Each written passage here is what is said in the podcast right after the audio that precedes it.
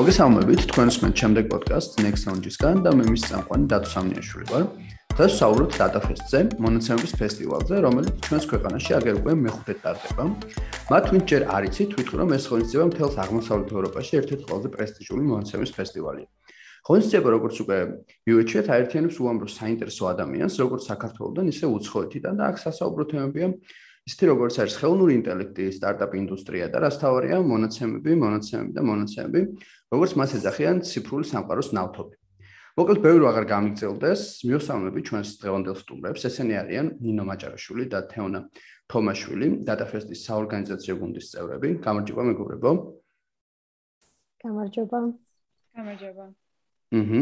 და რა მოდი ალბათ მე კი ვთქვი ხა ერთი ორი სიტყვით თვითონ ფესტივალზე ხო რაღაც, მაგრამ თქვენ უფრო კარგად ახსნით ალბათ რა არის ხო ეს დატაფესტი, რას მოიცავს საკუთარ თავში, იმიტომ რომ ჩვენ მსმენელს ალბათ უმეტესობას ეცოდინება და შეიძლება დასწრებულიც იყოს უმეტეს მათგანი, მაგრამ შეიძლება იყოს ისეთები, რომელსაც არსმენიეთ ამ ფესტივალზე, ან ნაკლები ინფორმაცია აქვს შედარებით და მათთვისაც რომ დავიწყოთ შესავალებით რომ გამოგვივიდეს, ანუ რა არის დატაფესტი, რას ნიშნავს ის და რას საქმიანობს ესე ვთქვათ. Mm-hmm. მადლობა დათო, მადლობა რომ მოგვიწვიეთ და გვაქვს საშუალება რომ გავუზიაროთ თქვენს მსმენელებს ჩვენი გამოსლება და რაც თავია ინფორმაცია ამ ფესტივალის შესახებ. როგორც ჩვენს აღნიშნენ, ფესტივალი არის ყოველწლიური საერთაშორისო შეკრება ადამიანების, რომლებიც არიან დაინტერესებულები მონაცემებით და მონაცემებთან მუშაობით. ან შეიძლება ისინი უშუალოდ ახლა არ მუშაობდნენ მონაცემებზე, მაგრამ ზოგადად ინტერესი ჰქონდათ ტექნოლოგიების და ასევე სურვილი რომ უფრო მეტი გაიგონ, მიიღონ შთაგონება იმის შესახებ თუ როგორ ვითარდება ამ ხრივ მოვლენები სოფლიოში, რეგიონში, საქართველოში და როგორ შეიძლება მათ გამოიყენონ ეს შესაძლებლობები, რასაც ქმნის მონაცემები და ტექნოლოგიები თავიანთ საქმიანობაში. ამ ხრივ სრულიად უნიკალურია DataFest თბილისის პლატფორმა, იმიტომ რომ სხვა კონფერენციები, ღონისძიებები ძირითადად არის ხოლმე ერთი კონკრეტული დარგის წარმომადგენლებისთვის განკუთვნილი, დაუშვათ აი ტექნოლოგიური მიმართულება ან მარტო ჟურნალისტებისთვის, თუმცა DataFest თბილისი არის ხშირად ხმობენ, რომ რაღაცა ეს არის ღონისძიება, ერთ-ერთი ღონისძიება, სადაც შეიძლება ერთმანეთის გვერდიგვერდ ისხდნენ მონაცემთა მეცნიერი და ჟურნალისტი და უსმენდნენ ერთსა და იმავე გამოსვლას. სწორედ იმიტომ რომ ჩვენ გვჯერა მონაცემების არსებობა და ის ტექნოლოგიური შესაძლებლობები, რასაც ეს განვითარ ამ განვითარებებს მოაქვს თანაბრად და ერთნაირად შეიძლება იყოს გამოყენებული ნებისმიერ სფეროში. ჩვენ ფაქტობრივად აი როცა ვსაუბრობთ ხოლმე რომ ვინ არის ჩვენი აუდიტორია, ვინ უნდა იყოს დამწრებში, ვისზე უნდა გავაკეთოთ გასვლა, როგორ უნდა დავალაგოთ ჩვენი აჯენდა, რა ტიპის ტიპები უნდა მოვიწყოთ. ფაქტობრივად ვერ აი ვერ წარმოვიდგენთ ხოლმე ადამიანს, ვინც არ იქნება, ვინ შეიძლება არ იყოს ჩვენი აუდიტორია ამა თუ იმ ფორმატის სესიების. იმიტომ რომ მართლაც ყველა ცხოვრებას ცვლის ეს მიმართულებები, რაც მაცემს მოიცავს იგივე ხელოვნური ინტელექტი და ასე შემდეგ. შესაბამისად, ღონისძიების ფორმატიც ისეა შედგენილი, რომ თავის თავს ნებისმიერი დაინტერესებული ადამიანი იპოვის ამ ღონისძიებაზე.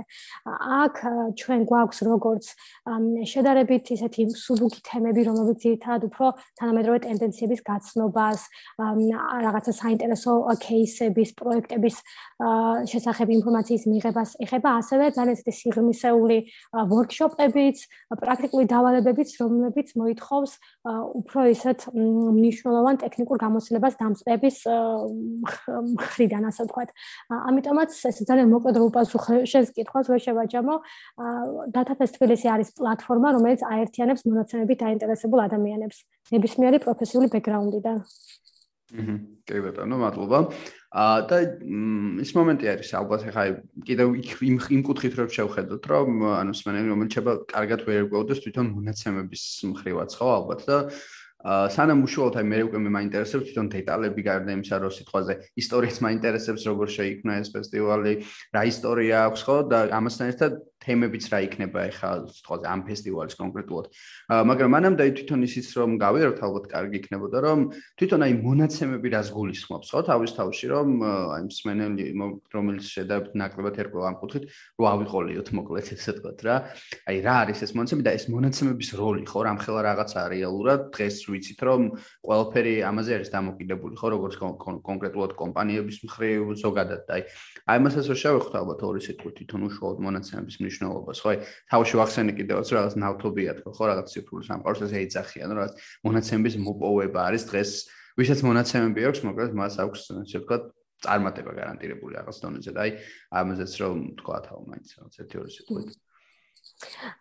კი, როგორც უკვე აღნიშნე, რადგან ჩვენი ღონისძიება არის ყველანაირი გამოცდილების მქონე ადამიანისთვის, ამ შემთხვევაში მონაცემების განმარტებაც ჩვენთვის ბევრნაირია, მრავალფეროვანი უბრალოდ ასე ვიტყოდი. მაგალითად, ჩვენს დამსწრეებს ძალიან ხშირად შეადგენენ, მაგალითად, ძალიან მარტივი, ყველაზე მარტივი მაგალითად ავიღოთ აქტიური მოქალაქეები. ისინი ვინც გარკვეულ თემაზე მონაცემების მონაცემებზე დაკვირვებით და გაანალიზებით მათთვის საინტერესო და მნიშვნელოვან გადაწყვეტილებებს იღებენ. ანუ აქ საუბარი შეიძლება გქონდეს ძალიან ასე ვთქვათ, აი რამდენიმე სტატისტიკურ მონაცემებზე, მაგალითად, თმაც რამდენიმე რიცხვზე. ანუ შედარებით ისეთი მცირე ზომის ცირე მოცულობის მონაცემებზე. ანუ ეს არის ვთქვათ ყველაზე ცირე ნაწილი რაც შეიძლება იყოს, ასევე მონაცემები თემები არის ეს რაღაცა გამოსახულებები, ვიდეო, ნებისმიერ რამ ციფრულ ფორმატში, რაც ჩვენ გარშემო რასაც ჩვენ ვქნით, რასაც ვაკვირდებით და რაც გვეხმარება ჩვენ რაღაც გარკვეული გამოწვევების დაძლევაში და პრობლემებისთვის პასუხის პოვნაში. და რაც შეეხება უფრო ეს სიღრმისო აი შეიძლება გაგსაუბარი მაგალითად ნავთობი რაც არის ხო? აი უდიდესი მოსლობის მონაცემები. ეს შეიძლება იყოს აი ძალიან მარტივად რო ვთქვათ თუნდაც როგორ ვიქცევით რა დაუშვათ ჩვენს smartphone-თან ხო? როგორი ქცევა გვაქვს დაუშვათ აი რა ადგილას ეკრანის რა ადგილას ვაჭერთ ხელს რამდენ წამს ჩერდებით ამა თუ იმ ადგილას იგივე რაღაცა რა მონაკვეთს ვუყურებთ ამა თუ იმ ეკრანზე. ეს და აი წარმოვიდგენთ რომ ეს არის უდიდესი მოცულობის მონაცემები, იმიტომ რომ საუბარია ყოველ წამიერ ჩანაწერზე და უამრავ კატეგორიაზე ცვლადების, რომელიც აი ამ მონაცემებს ქმნის. მე აი ამ მონაცემების გაანალიზებით შეიძლება შეიქმნას სხვადასხვა ტექნოლოგია, შეიძლება შეიქმნას სხვადასხვა გადაწყვეტა ამა თუ იმ პრობლემის და ეს არის უკვე და უკვე ხელოვნური ინტელექტის საკითხი და ამ მხრივ ძალიან საინტერესო кейსები გქონია ხოლმე ღონისძიებაზე და წელსაც გვექნება, როცა ჩვენი სპიკერები გვიზიარებენ თუ აი ეთში ხედავთ აი ეს მარტივი აი რა შეიძლება თქვა თუ აი რა ვის რაში შეიძლება გამოადგეს ის მონაცემი თუ მე რას ვაკეთებ როცა Facebook-ს ვსკროლავ ხო?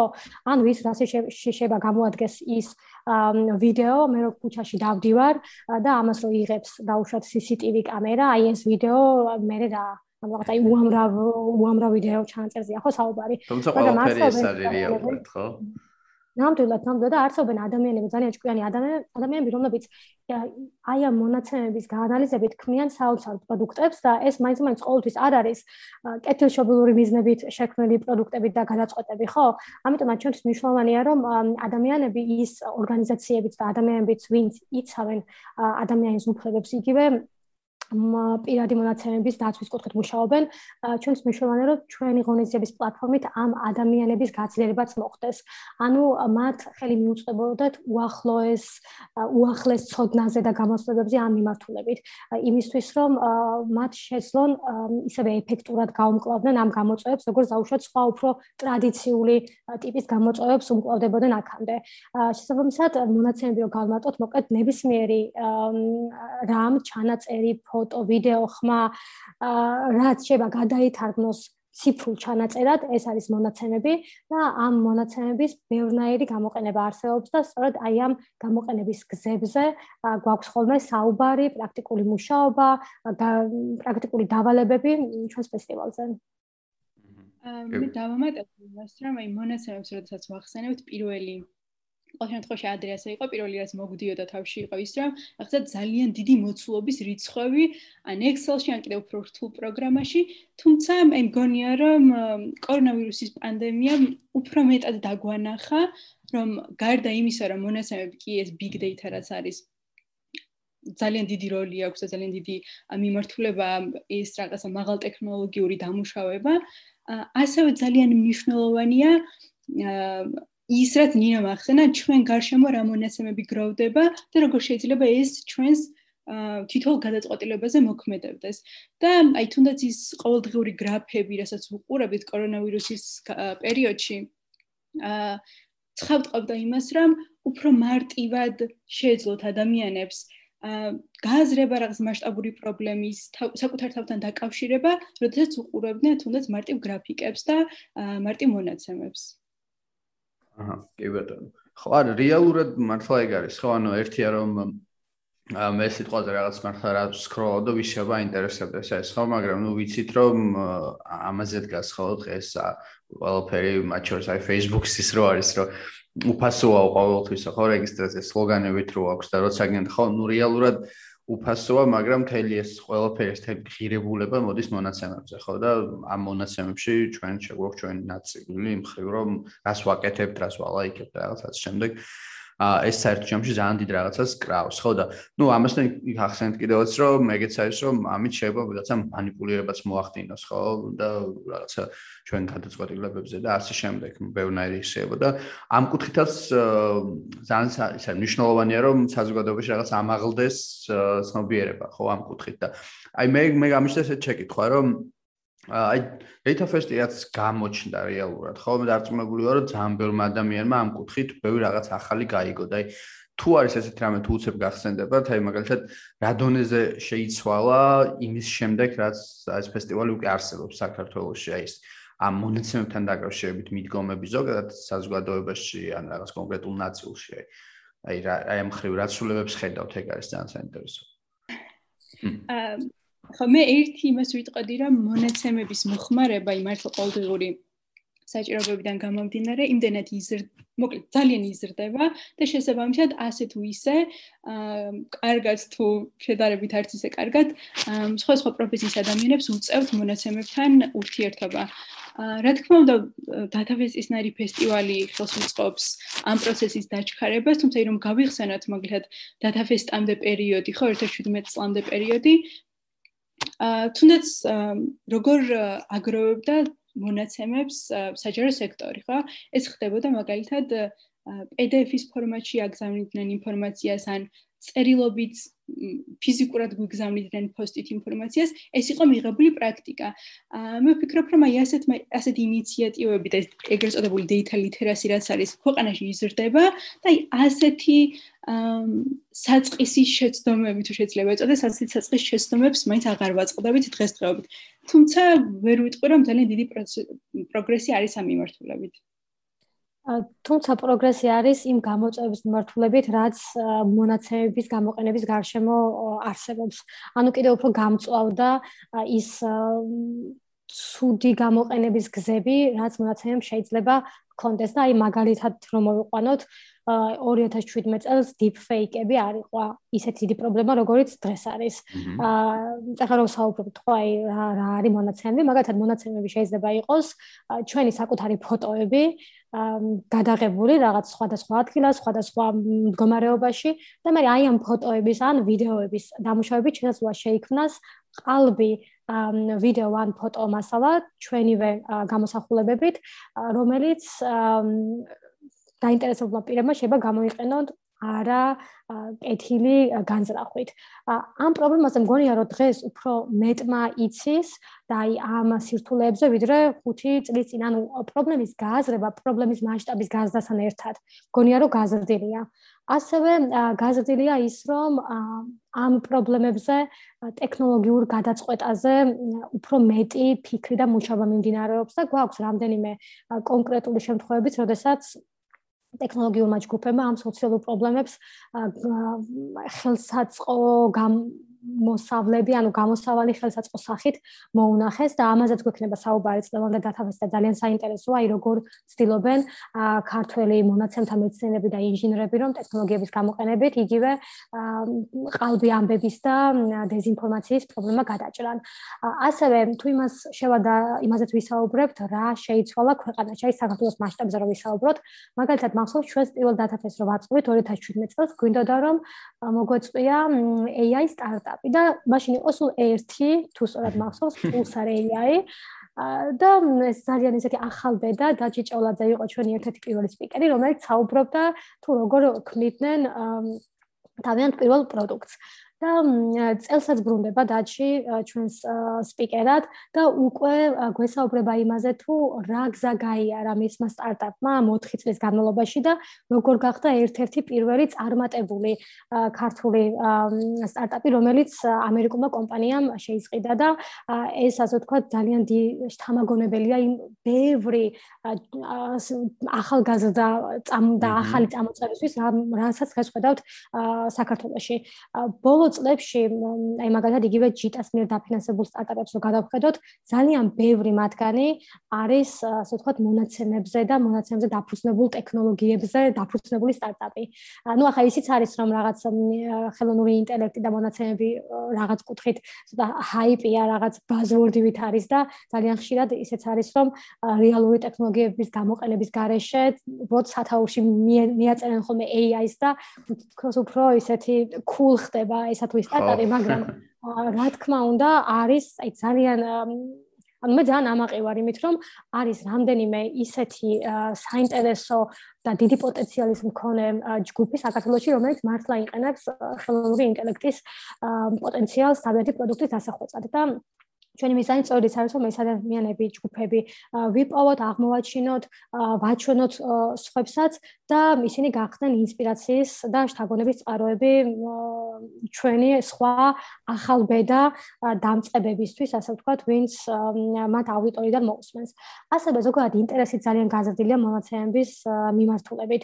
აი მაგალითად ჩვენ შარშან დავიწყეთ ერთ-ერთი პროექტი, რომელიც ფარგლებშიც ახალგაზრდებს ვამზადებთ მონაცემთა კომუნიკაციას კომუნიკაციაში და ძალიან ბევრმა ახალგაზრდამ აი არ ვიცი რაღაც რამდენიმე დღეში მივიღეთ ასობით განაცხადი და ბევრმა მათგანმა აღნიშნა რომ მონაცემთა მეცნიერება და ხელოვნური ინტელექტი დაინტერესებდათ იმ პროექტში ჩვენ სამწუხაროდ არ გქონდა ეს კომპონენტი ჩადებული თუმცა ეს ინტერესი რომ დავინახეთ წელს მაგალითად ჩვენს პარტნიორ ორგანიზაციასთან Maxine-თან ერთად უკვე განავითარეთ მაგ მიმართულებითაც სასწავლო კურსი და USAID-ის ეკონომიკური უსაფრთხო საფრთხოების პროგრამის მხარდაჭერით გადავამზადებთ მომდენო რამდენიმე თვის განმავლობაში ათეულობით ახალგაზრდას მონაცემთა მეცნიერების და მონაცემთა კომუნიკაციის მიმართულებით. და ეს ხალხი მაი მართლა მჯერა რომ ეს ხალხი არიან ის არის ის ჯგუფი, რომლებიც ხვალ ზეგ მაზეგ ერთი წლის მერე შეიძლება რომელიმე წარმატებული სტარტაპის ან კომპანიის დამფუძნებლები იყვნენ. იმიტომ რომ ძალიან სწრაფად განვითარებადია ეს სფერო, შესაძლებლობები არის უდიდესი და უსაზღვრო. არ ვიცი, რამ ბოლო რამდენიმე წელია მონაცემთა მეცნიერი იმსახუ ინარჩუნებს ყველაზე მაღალანაზღაურებადი და ყველაზე მიმზიდველი პროფესიის ადგილს. იმიტომ რომ მოთხოვნა არის იმაზე მეტი, ვიდრე რეალურად დღეს მსოფლიოში relationship არიან პროფესიონალები და იმასაც ვხმობ ხოლმე რომ აი მთელი საქართველოს რომ მონაცემების მიმართულებით გახდეს სპეციალისტი იმდენად დიდია ბაზარზე. ამ შრომით ბაზარზე მოთხოვნა ამ პროფესიაზე რომ რაღაც 11 კონკურენტები კი არა აი თანამშრომლები დავრჩებით ბოლომდე. იმიტომ რომ შეუძლებელია ამოვწუროთ ეს რესურსი. აი ეს ცვლილებები თვალშიცაცემია ახლა მაინც მაინც რა თქმა უნდა მგონი რომ ფესტივალის დამსახურება დიდია მაგრამ ამასთან ერთად ზოგადად მსოფლიოში იზრდება ტენდენცია არის ისეთი, რომ იზრდება მოთხოვნა ამ მიმართულებით უფრო მეტი მონაცემი ხდება ხელმისაწვდომი და რაც უფრო მეტი მონაცემია ხელმისაწვდომი, უფრო მეტი პოტენციალი ჩდება აი ამ რესურსის გამოყენების, რაც უკეთ ბუნებრივია და ჩვენ ვსწრებთ ფეხი აბუწყოთ აი ამ ცვლილებებს და პროგრესს ასე ვთქვათ. კი ბატონო, შვენიერი. აა ხო და აი აი ამის ფონზე ხარ რო ვილაპარაკეთ ხო რა რაღაც აი აა როგორ განვითარდა ეს ყველაფერი. აი ამის ფონზე შემდეგ ჩემი შეკითხვა იქნებოდა აი ამ თემაზე რო ვისაუბროთ, აი თვითონ დატაფეს ისტორია რომ მიმოვიხილოთ რაღაც დონეზე, ხო? ანუ აი აა საიდან გაჩნდა, როგორ გაჩნდა ეს ვის საიდან მოდიოდა ეს იდეა და აი რაღაც ეტაპზე როგორ როგორ განვითარდით აი ეს პროცესი ძალიან საინტერესოა. და ამის შემდეგ მე უკვე ნელ-ნელა მინდა რომ თავარ ყველაზე ცხელ თემაზე ვისაუბროთ, რაც არის უშუალოდ ეხლანდელი ამ აი ხარა იქნება ხო დეკემბერში, ანუ ექთებარ. მანამდე ისტორიაც რომ მოვიხილოთ ძალიან მე პირადად ძალიან მაინტერესებს ამის ისტორია. ამ დატავისტის ისტორია ოფიციალურად დაიწყო 2017 წელს, თუმცა ამ რაღაც ლოგიკური გაგრძელება იყო იმ საქმიანობის, რასაც ჩვენი გუნდი ახორციელებდა. თავდაპირველად დაიწყო მაგალითად ორდღიანი მონაცემთა ვიზუალიზაციის ტრენინგებით, იმიტომ რომ შედარებით უცხო იყო მონაცემთა ვიზუალიზაცია იმ დროს საქართველოში და ნენელო ხედავდით ადამიანის ინტერესს, რომელიც შემდეგ გადაიზარდა, რამე უფრო შედარებით პრაქტიკული შეგვეთავაზებინა. ამიტომ შემდეგ გადავწყვეტ, რომ ჰაკათონები ჩაგვეტარებინა, რაც ასევე ძალიან კარგი გამოხმაურება ქონდა და ხედავდით, რომ თითქოს აი ქართული საზოგადოება მზად იყო ასეთი ტიპის შეკრებისთვის, რომელიც გარდა იმისა, რომ მას გარკვეულწოდნას გადმოგცემს და მონაცემები და მონაცემთა ვიზუალიზაცია ზოგადად ამოუწურავი თემა, რომელიც სულ ვითარდება და სულ რაღაცა ახალის გაზიარება შეგეძლია. გარდა ამისა, კარგ ადამიანებს ჭირდებოდა თითქოს სივრცე, სადაც ერთმანეთს გაიცნობდნენ, შეხვდებოდნენ რაღაც კავშირებს, დამყარებდნენ და შემდეგ გააგრძელებდნენ ურთიერთობას. აი ამ ლოგიკური გაგრძელების გაგრძელება, ასე ვთქვათ, Datafest თბილისი ჩავთვალეთ, რომ გვჭირდებოდა უფრო მეტი, ვიდრე იყო ორდღიანი ტრენინგები ან ერთდღიანი ჰაკათონები და აქედან დაგვებოდა იდეა, რომ შექმნილიყო ფესტივალი. ნუ სანამ ფესტივალი შეიქმნებოდა, ასევე გქონდა ეგრეთ წოდებული community შეხვედრები მონესემთა მეცნიერების მიმართულებით. ამ კუთხითაც ძლიერდებოდა, ასე ვთქვათ, საზოგადოება. აქაც ვხედავდით, რომ მოგლეს თავიდან თუ ხუთი ადამიანი მოდიოდა შეხვედრაზე, ნენელა იზრდებოდა და იზრდებოდა. აა წლების განმავლობაში და ხვდებოდით, რომ რაღაცნაირად მწიფდებოდა ეს მონაცემთა მეცნიერების community-ს გარემოს და თითქოს აი ბევრმა სხვადასხვა კომპონენტმა დაგვაფიქრა იმაზე, რომ მოდი ეს ყველაფერი, რასაც ვაკეთებთ ამდენი ხნის განმავლობაში, გავაერთიანოთ, ეს ყველა პროფესიის ადამიანი მოვახვედროთ ერთ სივრცეში და ვნახოთ რა მოხდება. აა თავიდან ძალიან ისეთი მოკრძალებული ამბიციები გქონდა და აა გვიდოდა რომ დაახლოებით 100 ადამიანი შეგვეკრიბა. აი აქ 2017 წელს რომ მივხვდით რომ ფესტივალი გადაიზრდებოდა ყოველდღიურ შედარებით უფრო ყოველწლიურ შედარებით უფრო მასშტაბურ ამბად, იმიტომ რომ თორსდები 100 ადამიანზე გავთვალის და 400 ადამიანი დაესწრო, აქტიურობა იყო ძალიან დიდი.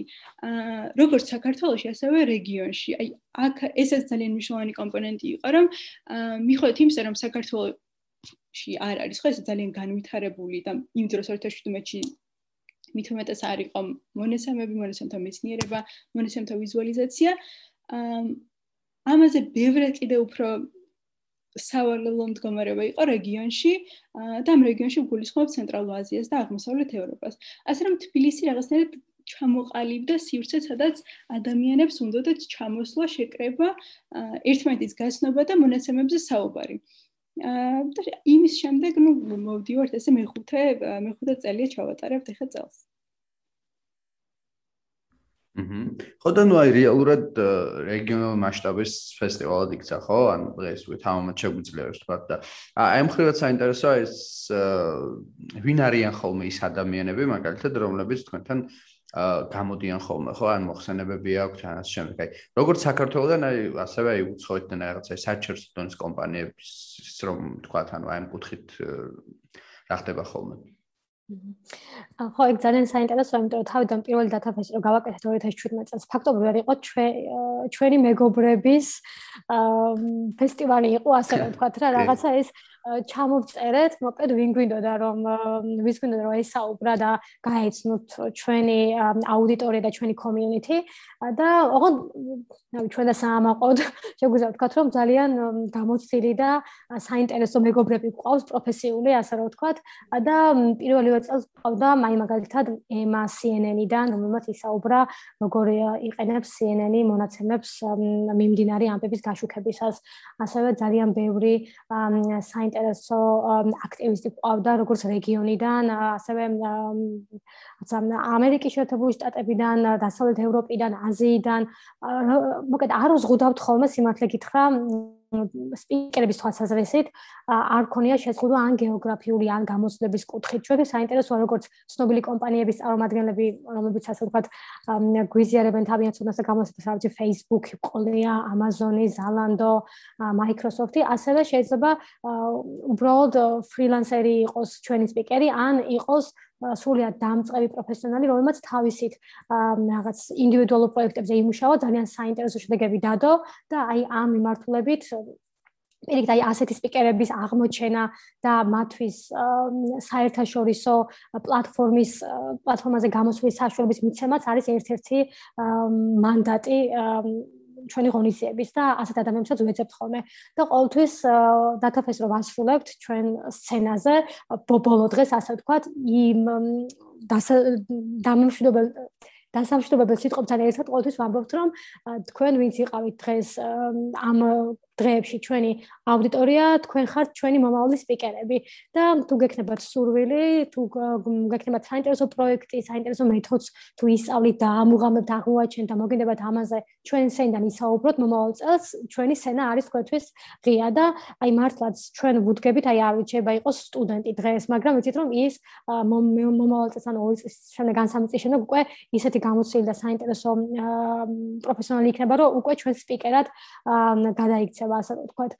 შესაბამისად ამ სპიკერების კუთხით რა ვიცი რომ გავიხსენოთ ყველანაირი ორგანიზაციიდან ყოლია მე მგონი სპიკერები ერთ-ერთი ჩემთვის ისეთ დასამახსოვრებელი იყო მაგალითად ბელინკეთიდან ყავდა ქრისტიან ტრიბერტი რომელიც ორი წელი ZDZ ჩამოვიდა ჩვენთან და გვესაუბრა აი რა ვიცი ყოველ ჯერზე ვიყავით ძალიან აღრთვანებულები მისი გამოსვლით იმიტომ რომ ბელინკეტი არის ორგანიზაცია რომელიც ღია მონაცემები ღია წყაროს მონაცემების გამოყენებით აკეთებს გამოძიებას ესეთი ჟურნალისტური ვოჩდოგური სააგენტო აგენტურა ასე ვთქვათ.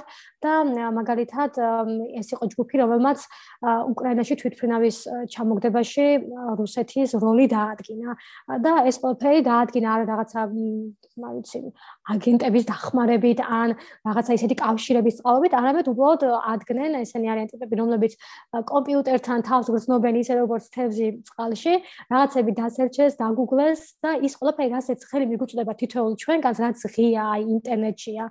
აი ამ მონაცემების გამოყენებით იპოვეს ეს კავშირები, რომელმაც ასე ასე აი დასაბუთებულად გახსნა მოკლედ ეს кейსი და ეს იყო ძალიან ესე თქვა ინსპირაციული ჩვენთვის და დღემდე რჩება ბენიკეტი ერთ ერთ-ერთ ისეთ ორგანიზაციად რომელიც საქმიანობასაც საქმიანობას არის ძალიან შთამაგონებელი. აა ასევე ძალიან საინტერესო სპიკერები ყოლიან აა ორგანიზაციებიდან, რომლებიც მუშაობენ მაგალითად ისეთ ხელსაწყოებზე მანქანური სწავლების გამოყენებით, რომელიც ადამიანების უფლებების დარღვევების აღმოჩენაში ეხმარება აა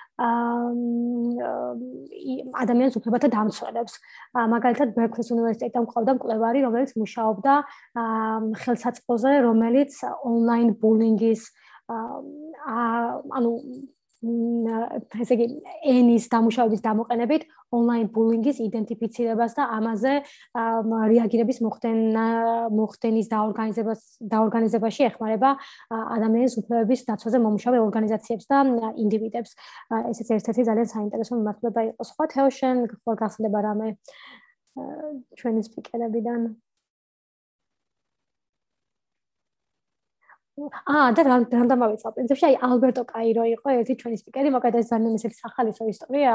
იმიტომ რომ მოკლედ ალბერტო კაირო არის მონაცემთა ვიზუალიზაციის რავი ნათლია ასე რომ დავარქვათ რა აი მის ციგნებზე გავიზარდეთ აი ამ მიმართულების სპეციალისტები ვინც ვართ და როდესაც პანდემია დაიწყო და გადავწყვეტ რომ გავუკეთებინა ონლაინ გამოშვება ეს ნუ მამდე რაღაცა სულ ვცდილობდით რომ ჩამოგოყვანა ალბერტო კაირო რომელიც ამერიკაში მუშაობს და მოღვაწეობს და რამდენჯერმე დაუკავშირეთ კიდეც მაგრამ ყოველთვის ისე იყო რომ რაღაცა იმ აქ პერიოდში რადგანაც უნივერსიტეტის ლექტორიც არის მუდმივად დაკავებული იყო და მოკლედ ვერ ახერხებდა ამერიკიდან გადმოფრენას ამ სიშორის გამო და ასე შემდეგ. და იმის გამო რომ ონლაინ ვატარებდით და მისთვის უფრო შეიძლება მარტივი იყო რომ შემოსულიყო ჩვენ ღონისძიებას და ეს სპიკერა, ასე სპიკერი ყოფილიყო ამ ონლაინ ღონისძიებაზე ავიხდივეთ ჩვენი დიდი ხნის ოცნება დასრული და ალბერტო კაირო რომელიც ციგნებსაც გავიზარდეთ იყო ჩვენი სპიკერი და ერთ-ერთი ხმამოძ რა აი კოვიდის დამსახურება, აი პოზიტივთა შეხოთ კოვიდს იყო ერთი ეგ რომ მოახერხეთ რომ ბოლოს ბოლოს ალბერტო ყოფილიყო ჩვენი სპიკერი. თუმცა მაინც გვაქვს გეგმაში რომ საქართველოში ჩამოვიყვანოთ, იმიტომ რომ აი ერთ-ერთი მიზეზი კიდე რატომაც data fest თბილისი დავარს, ასე ვთქვათ არის ის რომ ძალიან გვინდა რომ თბილისი ნახოს და საქართველოს ნახოს ბევრმა ადამიანმა. და თან როცა ოფლაინ მატარებით ხოლმე და პირველი 3 წელი სულ იყო დათაფესტი ნოემბერში, იმიტომ რომ ნოემბერი არის თვე, როცა დასავლეთ ევროპაში და ბევრ ქვეყანაში ამინდები უკვე გაფუჭებულია, ასე რომ ვთქვა, რაღაცა სიცივია, წვიმა, ხან ზოგან ყინავს კიდეც და ჩვენთან ისე მზიანათებს, ასე კაშკაშებს, იქ რაღაცა ახალდაწული ღვინოა, ჩურჩხელების ამოვლებაა და მოკლედ მთელი ამბები და აი ეს მნიშვნელოვანი ფაქტორია ასე ვთქვათ ეს ქართული სტუმართმასპინძლობა ასევე დათავეს თბილისის იდენტობის და ამიტომაც ონლაინ სპიკერების ერთ დღესაც თბილისში მოწევა არის ჩვენ დიდი სურვილი და აუცილებლად გავაკეთებთ მაგასაც. აა სხვათა შორის განვავრცობ იმ იდეას, რომ ონლაინ სივრცეში რამდენიმე ფესტივალის შეტარებამ აა საზღვრები ასე ვთქვათ მოგვიხსნა მთლიანად და უფრო მეტი საშუალება მოგვცა როგორც სპიკერების მხრივ ისე დამსწრების მხრივ მეტად ინკლუზიური გარემო შეიქმნა, რაც ძალიან კარგი იყო და სხვა შორის აი ამ ონლაინ ფესტივალის მეშვეო საშუალებით, საშუალება მოგვეცა უფრო სწორად, რომ ჩამ სპიკერად ყოლოდა ჰარი სტივენსი, ეს განსაკუთრებით გამომახსოვდა. ჰარი სტივენსი არის ვაშინგტონ პოსტის ჟურნალისტი და ზუსტად იმ დროს გახდა ცნობილი როგორც ყველაზე მეტად კითხვადი სტატიის ავტორი. თვითონ ჰარი არის როგორც ჟურნალისტი, ასევე შეუძლია კოდის დაწერა და მან დაწერა ის ცნობილი სტატია, როგორ ვრცელდება ვირუსი. ძალიან საინტერესო იყო ჩვენთვის, იმიტომ რომ აი ქართული საზოგადოებისთვის და იმ ჩვენი აუდიტორიისთვის, რომელიც იმ დროს ყვავდა ცენტრალური აზია და აღმოსავლეთ ევროპა, ჟურნალისტიკა მაინც უფრო არის ჰუმანიტარულ და არაჰუმანიტარულ თარგებას დაყოფილი და ნუ ჟურნალისტიკაც ასახავთ ჰუმანიტარულს მიეკუთვნება და რეალურად მასე აღარ არის და ჰარის გამოსვლა იყო ძალიან კარგი ინსპირაცია ჟურნალისტებისთვის, იმიტომ რომ ის არის ასევე დეველოპერი გაერთიანა ამბავი და კოდი და გახდა ყველაზე კითხვადი ასე ვთქვათ წერილი თუ რაღაც სტატია რაც პოსტს გამოუქვეყნებს რომ ეს ეს იყო ის რაც ძალიან ხო, თუმცა ჰარი სტივენსი მანამდე ჩვენი ბოლო ოფლაინ გამოშვების სპიკერიც იყო 2019 წელს. და ესე იგი ჩვენი ფესტივალის მე რამდენიმე თვეში უკვე გახდა ყველა სვიცნობილი მონაცემთა ჟურნალისტი აი მაგ სტატიის დამსახურებით და ჩვენ ძალიან ამაყები ვიყავით მაგ ფაქტით. და ნუ მე ონლაინად შემოგვიერთა ისევ დაგვიფუნდა მოკლედ ჩვენს ფესტივალზე ხო კიდევ ვთქვათ კარგი ისიც არის რომ მიუხედავად იმისა რომ ყოველ წელს ახალ ახალ სახეებს ვეძებთ ვეძებთ სპიკერებშიც დამსწრეებშიც მაინც ძალიან შენარჩუნებული გვაქვს ურთიერთობები წინაწლების სპიკერებთან და დამსწრეებთან და ეს წლიდან წლამდე სოფლურ რაღაც ნაწილი დამწების და სპიკერების ერთ და იგივე იყოს რომ ეს განგრზობითობის განცდა შევინარჩუნოთ ასე ვთქვათ რაღაცა. ერთ დიდ ოჯახად მონაცემებით დაინტერესებულ ოჯახად შევიკრათ და ესე რომ ბუნდებიან ხოლმე სპიკერები ეგეთ ძალიან გვიხარებს.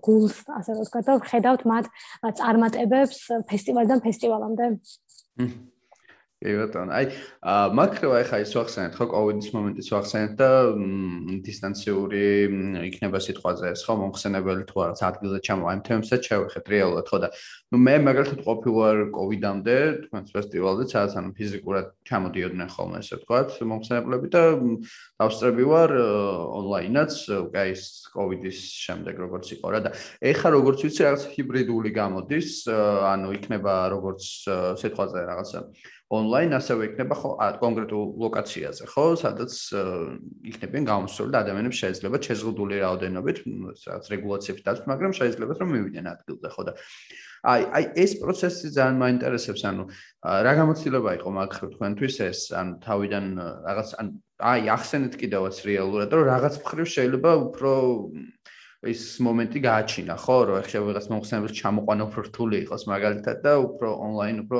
ხელმისაწვდომი გახდეს, აი არ ვიცი. ამ ხრივ როგორი გამოცდილება იყო და აი უკვე ნელ-ნელა შეგვიძლია რომ დღევანდელ იმაზეც გადავიდეთ, რომელიც რა დეკემბერში იქნება, ხო, აი ეს როგორი იქნება ამ კუთხით და ალბათ რა ბევრი რაღაცა მოგცათ კიდევაც ამან რეალურად, ხო, ამ კოვიდის კუთხით გამოცდილებაც მიიღეთ და რაღაც ისეთ რაღაცებს დაინახეთ, რომ აი ესეც შეიძლება ჩატარდეს და რაღაც ოფშენები უფრო გაიზარდას, ეს შეიძლება იყოს, არ ვიცი. ამ კი, ეგ ძალიან საინტერესო იყო მთელი ეს მოგზაურობა კოვიდის დაწყების მერე და გარდაქმნა ღონისძიების ონლაინ ნაწილში. მოკლედ 2020 წელი რომ დაიწყო, ну, როდესაც რაღაც გადავატარებთ ხოლმე შემოდგომაზე ღონისძიებას, მე რაღაცა 1-2 თვე ვაკეთებთ reflections და მე ესე იანიდან თებოდან უკვე ვიწყებთ ხოლმე ახალი წლის ღონისძიების დაგეგმას. ну, ვიწყებდით ხოლმე ჩაოლებრივი პერიოდი, როცა იყო COVID-ამდე. და ნახავ ეს 2020 წელი რომ დაიწყო სადღაც ასე თებერვლის შუა რიცხვებში თებერვლის ბოლოს უკვე დავიწყეთ ფიქრი 2020 წლის ღონისძიებაზე რა უნდა შეგვეცვალა რა უნდა გაგვეუმჯობესებინა რა უნდა შეგვენარჩუნებინა და აი ამ ფიქრში უკვე მოვიდა მარტის დასაწყისი როცა აღმოჩნდა რომ აი ამ საერთაშორისო პანდემიაში უკვე საქართველოს მამდე თქოს გვეგონა რომ რაღაც ხო ჩინეთში ხდება ეს ყველაფერი და ჩვენამდე ან ჩამოაღწევს ან არა. ან სანამ ჩვენამდე მოაღწევს მანამდე რამე იქნება კაცო რამეს მოიგონებენ და უშველიან ამ ვირუსს. მაგრამ ხო უკვე მარტის დასაწყისში რაღაცნაირად ჩვენც მივხვდით რომ შეიძლებოდა პანდემიას რაღაც გარკვეული საფრთხე შეექმნა ჩვენი ღონისძიების ტრადიციული ფორმატისთვის. რაც როგორც წესი ნოემბერში იმართებოდა ხოლმე. და მოკლედ აი ამ ღონისძიების დაგეგმვის კუთხით ვერ ვერ მივდიოდით ვერც წინ, ვერც ვერაფერს ვერ ვაკეთებთ, იმიტომ რომ არ ვიცოდით რა იქნებოდა ნოემბრისთვის. და ვთქვით რომ მოდი აი რა უნდა იყოს ჩვენ პასუხი აი ამ ამბავზე და ამასობაში ხო ჩვენ მანდ გვქონდა დაგეგმილი რაღაც ვიზიტები გვქონდა დაგეგმილი სხვადასხვა პარტნიორ ღონისძიებას და დღე ყოველ პიროვნად მოგვდიოდა მეილები აი ამ ღონისძიების გაუქმების შესახებ და პანდემიის გამო მოკლედ ეს ღონისძიები ღონისძიები უქმდება ზოგან გამოსვლა გვქონდა დაგეგმილი ზოგან უბრალოდ დამწყებად მივდიოდით და მოკლედ ესა თვალს და ხელშუა მთელი წლის რამდენიმე თვის გაწერილი ჩვენი გეგმა იცვლებოდა. და ხო უცებ აი ამ ყველაფერს უყვებ ნუ ერთი ხე გულით ხდება იმიტომ რომ რაღაც ძალიან მაგარ ორგანიზებაზე რომ მიდიხარ და უცებ ვეღარ მიდიხარ რაღაც ერთი მხრივ. წავა მაგრამ მეორე მხრივ როგორც ორგანიზატორი უკვე უყურებ რაღაც თითქოს ის გაქვს აი წინასწარ ხედავ რომ ეს შეიძლება მოხდეს იგივე დაემართოს შენს ორგანიზებასაც და რაღაც ვიცი ცივი გასხავს ფეხქვეშ მიწა გეცლება და აი ვეღარ ხვდები რა უნდა გააკეთო აი ასეთი გამოვალი მდგომარე აი ესეთ გამოვალი მდგომარეობას ხედავდით მომავალში ვთქვით რომ ვინიცობა და ნოემბერშიც იგივე სიტუაცია იყოს მოდი ჩვენ დავიჭიროთ თადარიგი და ეხლა რას ვკარგავთ ხო? ალბათ მოდი ექსპერიმენტული ონლაინ ღონისძიება გავაკეთოთ. ეს არის მარტი, როცა არავინ არ იცის რა არის Zoom-ი, ანუ Zoom-ი საერთოდ არსებობდა, მაგრამ ჩვენთან არავინ არ იყენებდა. და რა ვიცი, მგონი აი ვიდეო კოლი გქონდეს, რო ვიტყოით, ალბათ Skype-ი გაახსენებოდა ჯერ კიდევ ხალხს, იმიტომ რომ ხო, რაღაც არ დან FaceTime-ი მაქსიმუმ. და მაშინ ვთქვით, რომ ხომ მოდი დავაექსპერიმენტოთ ეს ყველაფერი, რა იქნება ვნახოთ და დავიწყეთ, ასე ვთქვათ, მზადება ჩვენი პირველი ონლაინ გამოშვებისთვის, რომელსაც დავარქვით Datafest Online. ანუ პანდემიაში დაიბადა ჩვენი ბრენდის, ასე ვთქვათ, ქვე ბრენდი Datafest Online. რომელიც იყო მართლა აი ძალიან არ ვიცი. მე მგონი რომ პანდემიის დაწყება ჩვენს გულს გადაატანინა ამ ღონისძიებაზე გადართვამ. იმიტომ რომ თელი გული და სული ჩავდეთან ეს იყო ეს პერიოდი როცა რაღაც პერიოდი საერთოდ გარეთ გასვლა ქონდა აკრძალული ანუ გართობის ალტერნატივა არ გქონდა და ამ დროს არც ზუმის შეხვედრები იმდანად ხშირი არ იყო, აი დაღლილები ყოფილიყავით. რეალურად ყველანი ვისხედით სახლებში, მუშაობდით და არ გქონდა ერთმანეთთან კომუნიკაცია. და აი ამ დროს ვთქვით, რომ მოდი მართალია სახლებში ვარ გამოკეტილები, გამოკეტილები, მაგრამ მოდი მაინც შევიკრიბოთ 3 დღის განმავლობაში, ვისაუბროთ მონაცემებზე, მონაცემთა ვიზუალიზაციაზე, ამ ყოლობის გამოყენებაზე, იმაზე რა იქნება პანდემიის მერე და დავგეგმეთ ძალიან საინტერესო ონლაინ ღონისძიება და აი მართლა ძალიან შემოგონებელი იყო ჩემთვისაც და მთლიანად გუნდისთვისაც ასე მგონია მაგ ღონისძიებაში მის ორგანიზება, დასწრება, მონაწილეობა, იმიტომ რომ დავინახეთ რომ ადამიანები არიან სოციალური და პროფესიონალური ცხოველები ასე ვთქვათ, და აი ყოველს მონატრებული ქონდა ერთმანეთთან კონტაქტი. ნიშნობა არ ქონდა ეს ახლა ოფლაინ იქნება თუ ონლაინ, ძალიან და დაეწაფდნენ ასე ვთქვათ იმ კონტენტს, რაც ჩვენ მოვამზადეთ და ეს იყო ძალიან პოზიტიური გამოსვლება ჩვენთვის.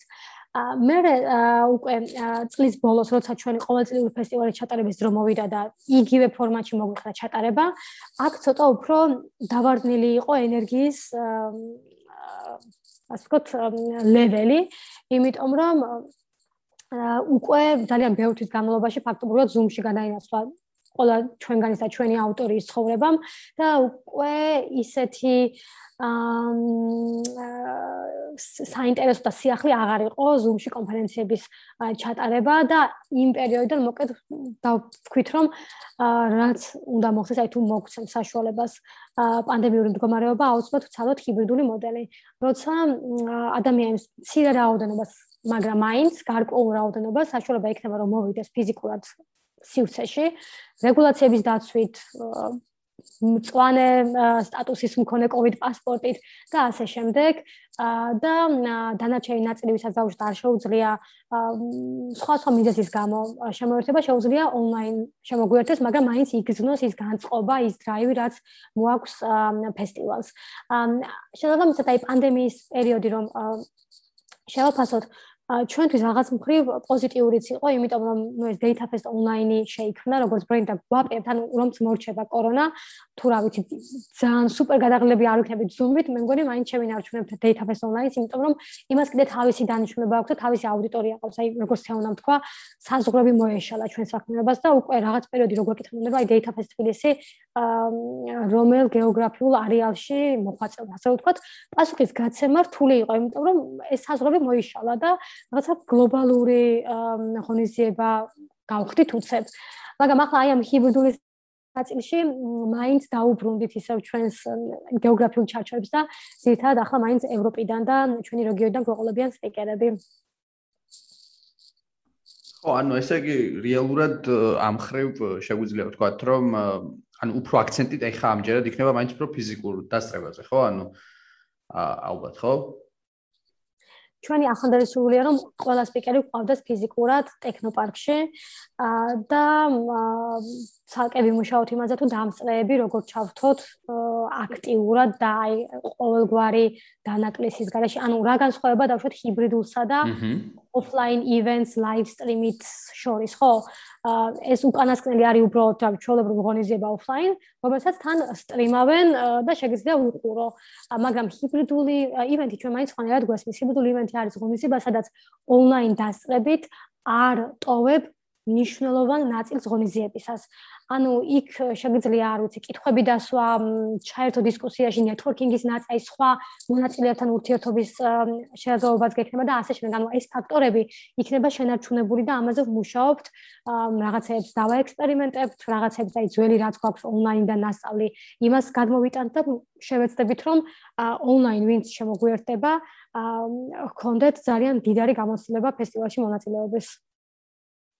ხო, ეგ ძალიან საინტერესოა. აი მაგალითად ხეთ წინაზე რო ვიყავ ონლაინ როცა იყო სრულად მე რო ვესწრებოდი, ანუ რაღაც აი Zoom-ით იყო, ხო, ეს და რაღაც ოთახები იყო და იქ გადდიოდი უცებ რაღაც შეგეძლო სხვადასხვა იმას დასწრებოდი და რაღაც იქ და ხო, ესეც ჩემთვის მაგალითად ის იყო რა, ანუ გამოცდილება იყო როგორც დამსწრესთვის და ძალიან საინტერესო იყო ამ კუთხით რა და აი ხა მაინტერესებს უკვე ფიზიკურ დონეზე როგორ გამოვა ეს ყველაფერი, იმიტომ რომ რაღაც მე არ ვიცი, აი ეგეც დამაინტერესებოდა, აი როგორ ის იყო, ფიდბექი როგორი იყო, აი მაგალითად ონლაინ რო ჩატარდა, ანუ თვითონ სმენელისგან როგორი ფიდბექი მიიღეთ ამ კუთხით, საინტერესო ეგეც. აი მე დავიწყო მე თეონას ხო რომ ალტერნატიული აზრი შემომაშველოს ანუ ჩემი ასე ვთქვათ სუბიექტური აზრით და აი ფიდბექის ფიდბექზე დაყრდნობით რაც მოვისმინეთ ხო? აა სულად გასხოვებული იყო გამოცდილება იგივე ეს პირველ ღონისძიებაში რომელიც გავაკეთეთ მაისში 2020 წლის მაისში რაც იყო პირველი ონლაინ ღონისძიება და რა ანუ ხალხი რომ არ იყო იმ დროს ზუმი დაღლილი იმ პერიოდში და მე წლის ბოლოს დეკემბერში როცა უკვე მთელი ეს აი პანდემიით პანდემიისგან ენერგია დაცლილი მონაწილეები დაესწრნენ ღონისძიებას. ანუ პირველ შემთხვევაში ეს იყო ეხლა ახალი იდეების ინსპირაციის წყარო და მეორე შემთხვევაში უბრალოდ მგონია რომ რესურსი აღარ გქონდა შერჩენილი ჩვენს აუდიტორიას რომ მაქსიმალური წამოიღო ღონისძიებიდან, იმიტომ რომ მთელი ძალებით წლის ბოლოს ეს პანდემიის გამოცდება დაგვატყდა თავს და Zoom-ისგან გამოფიტულობაც მგონია რომ ჩვენს წისქვილზე არასხამდა წყალს. ამიტომაც რაღაცა შერეული იყო მოკლედ ფიდბექი, რასაც მაინც და მაინც ფორმატს ვერ მივაწერთ ღონისძიებისას. ძალიან ბევრი ფაქტორზე იყო დამოკიდებული და ამ ხრივ ერთი ჩემი მე რაც ვისწავლა, ვთქვათ, ამ გამოცდილებიდან არის ის, რომ რეალურად ონლაინად შესაძლებელია ძალიან მაღალი ხარისხის ღონისძიების ჩატარება ისე რომ მონაწილეები იყვნენ ძალიან კმაყოფილები თუმცა ყოველთვის არა და ძალიან ბევრი ფაქტორი გასთვალისწინებელი ზოგადად რა ვიცი მდგომარეობა აუდიტორიის ამ დროს რაღაცა ენერგიის დონე და ასე შემდეგ თეო შენ თუ გექნებოდა რამე განსხვავებული შეფასება? ხო აბსოლუტურად გეთანხმები პირველი და მეორე ღონისძიების შეფასების მომენტში და ჩემი სუბიექტური აზრიც რომ გვერდზე გადავდოთ აი ფიდბექი გავაანალიზეთ მაშინ ძალიან ყურადღების და ინტერესით და პირველი შეხვედრის ფიდბექი იყო რაღაც საოცრება მართლა. ეს იყო ძალიან რისკიანი პერიოდი. ყველა ღონისძიება იყო გაუქმებული და თითქოს ყველაფრის ყველაფერთან ერთად შექებას ვიღებდით, იმიტომ რომ შევქმნით სივრცე, სადაც ადამიანებს შეეძლოთ ერთმანეთთან ესაუბრათ. აი ეს იყო ის რაც არ არსებობდა მაშინ ეხლა ამ გადმოსახედიდან აღარც კი მახსოვს ის პერიოდი, მაგრამ იმაში მახსოვს რომ ეს იყო სივრცე, რომელიც არ არსებობდა. რაღაც ერთი წლის მერე Zoom-ი არ გახდა ყოველდღიურობა შედარებით უფრო მოწყინდათ ადამიანებს წლის ბოლოს ასევე იყვნენ გამოფიტულები და ძალიან საინტერესო კონტენტი შეიქმნა 2020 წლის ანუ მეორე ონლაინ გამოშვებაზე, ბევრი კარგი დეტალი ჩავიჭირეთ ამ ამ გამოშვებაზე, მაგრამ ეს ენერგია და ეს ნეტვორკინგი იყო ძალიან საინტერესო პირველ გამოშვებაში, იყო ონლაინ, თუმცა სუპერ აქტიური იყო როგორც Zoom-ი და ასევე ჩვენი networking channel-ი Slack-ი, თუმცა ასევე რაღაც ვირუსულად ვრცელდებოდა ფესტივალი სოციალურ მედიაშიც, რაც აი ძალიან საოცარი იყო. აა თუნდაც ის რომ მოკლედ 6 საათზე იღვიძებდა ვიღაც, იმიტომ რომ იმისთვის ფესტივალი დილის 6 საათზე იწყებოდა, იმიტომ რომ ამერიკაში იყო, ვიღაცისთვის რაღაცა შედარებით გვიან და ეს რაღაცა ერთობა იგრძნობოდა Instagram-ზე, Twitter-ზე, Facebook-ზე და მოკლედ ეს რაღაც აა დატაფესტი იმ დროს იყო რგოლი, რაც ყველას ჭირდებოდა გასაერთიანებლად. მეორე და შემდეგ მესამე ღონისძიებაშიც მივხვდით, რომ კი საზღვრები იშლება, ძალიან ბევრ შესაძლებლობას გვაძლევდა დატაფესტი ონლაინ ფორმატშიც, თუმცა უკვე მოდიოდა ნელ-ნელა ფიდბექი, რომ ააცა ფიზიკური შეხვედრა უნდა და თბილის თბილისში უნდა და ასე შემდეგ და ამ ამ ფიდბექმაც რაღაც მხრივ განაპირობა ის, რომ ვეცადეთ ყველანაირი აუდიტორიისთვის მიგვეცა საშუალება, რომ მაქსიმუმი წაიღოთ ფესტივალიდან, ამიტომ გადავწყვეტ, რომ ყოფილიყო ჰიბრიდული. აჰა, შეგატანო. აა და რავი, ალბათ ახლა რაღაც თავი მაინც რაც არის, არის რომ ანუ აი რა არის ეხა ამ შემთხვევაში ამ ფესტივალის თავარი თემა რა იქნება? იმიტომ წინაზე იყო რაღაც ერთ-ერთი ყველაზე ხელოვნური და აი ამ კუთხით თუ არის ეხლა რაც შეგვიძლია ვთქვათ რომ რაც ძირითადი აქცენტი იქნება თუ რაღაც უფრო მაინც აი მონაცემების ხელ ყველა ყველაფერი რაღაც ნაწილი თუ მაინც აი რაღაც შეგვიძლია გამოვაჩიოთ ამ კუთხით. კი, მოდი რომ განვასხვაოთ, მოკეთ ჩვენ ხანდახან ჩვენს გვიჭირს ხოლმე განსხვავება, მაგრამ რეალურად აი ეს რომ გამოვყოთ, და ყველაფერს თავის სახელი დავარქვათ, ჩვენ რეალურად ჩვენი გუნდი ახლა აორგანიზებს ორ ყოველწლიურად ორ ღონისძიებას. ერთი არის Data Fest თბილისი, რომელიც როგორც წესი ტარდება შემოდგომაზე და ნუ გამონაკლისის შემთხვევებში დეკემბრის დასაწყისში. ეს არის ფესტივალი, რომელიც თავის არსში მოიცავს იმას, რომ ის უნდა ფარავდეს ბევრ სხვადასხვა თემას და ის უნდა იყოს განკუთვნილი, ასე ვთქვათ, როგორც დასაწყისში აღნიშნეთ, სხვადასხვა პროფესიის წარმომადგენლებისთვის. წელს 7-დან 11 დეკემბრის შევხვით, სწორედ აი ამ საერთაშორისო Data Fest თბილისის მასპინძლობთ, ამიტომაც აქ გვექნება რამდენიმე თემა და ამაზე მოგახსენებთ. ხოლო რაც შეეხება მეორე ღონისძიებას, რომელიც ფორმატულად ყოველთვის იქნება online, Data Fest online, და რომელიც ტარდება გაზაფხულზე, იქ ეს არის თქო ჩვენი უფრო საექსპერიმენტო პლატფორმა და წელს დავაექსპერიმენტეთ ის, რომ ნაცვლად იმისა, რომ ყოფილიყო რაღაცა ბევრი სხვა სხვა თემა ერთად, ავიღეთ ერთი კონკრეტული თემა AI და ვთქვით რაღაც ღონისძიებას data fest online all about AI ანუ ყველაფერი ხელოვნური ინტელექტის შესახებ და ხელოვნური ინტელექტი გავშალეთ სამ დღის განმავლობაში ბევრი სხვადასხვა კუთხიდან და პერსპექტივიდან. მომავალში ახლა მომავალ წელს რაღაც სხვა თემას ავირჩევთ, რაღაც სავარაუდო და სასურველი რაღაც უფრო უცხო თემას, რაზეც მანამდე არ გვიმუშავია და ასე ვთქვათ ნაკლები ნაკლებად არის ცნობადობა გაზილი ჩვენს community-ში და იმ თემას გავშლით, მაგრამ ახლა რაც შეეხება ამ კონკრეტულ data fest საერთაშორისოს რომელიც სადაც ვატარებთ ახლა დეკემბერში, აქ გვაქვს ოთხი მთავარი თემა.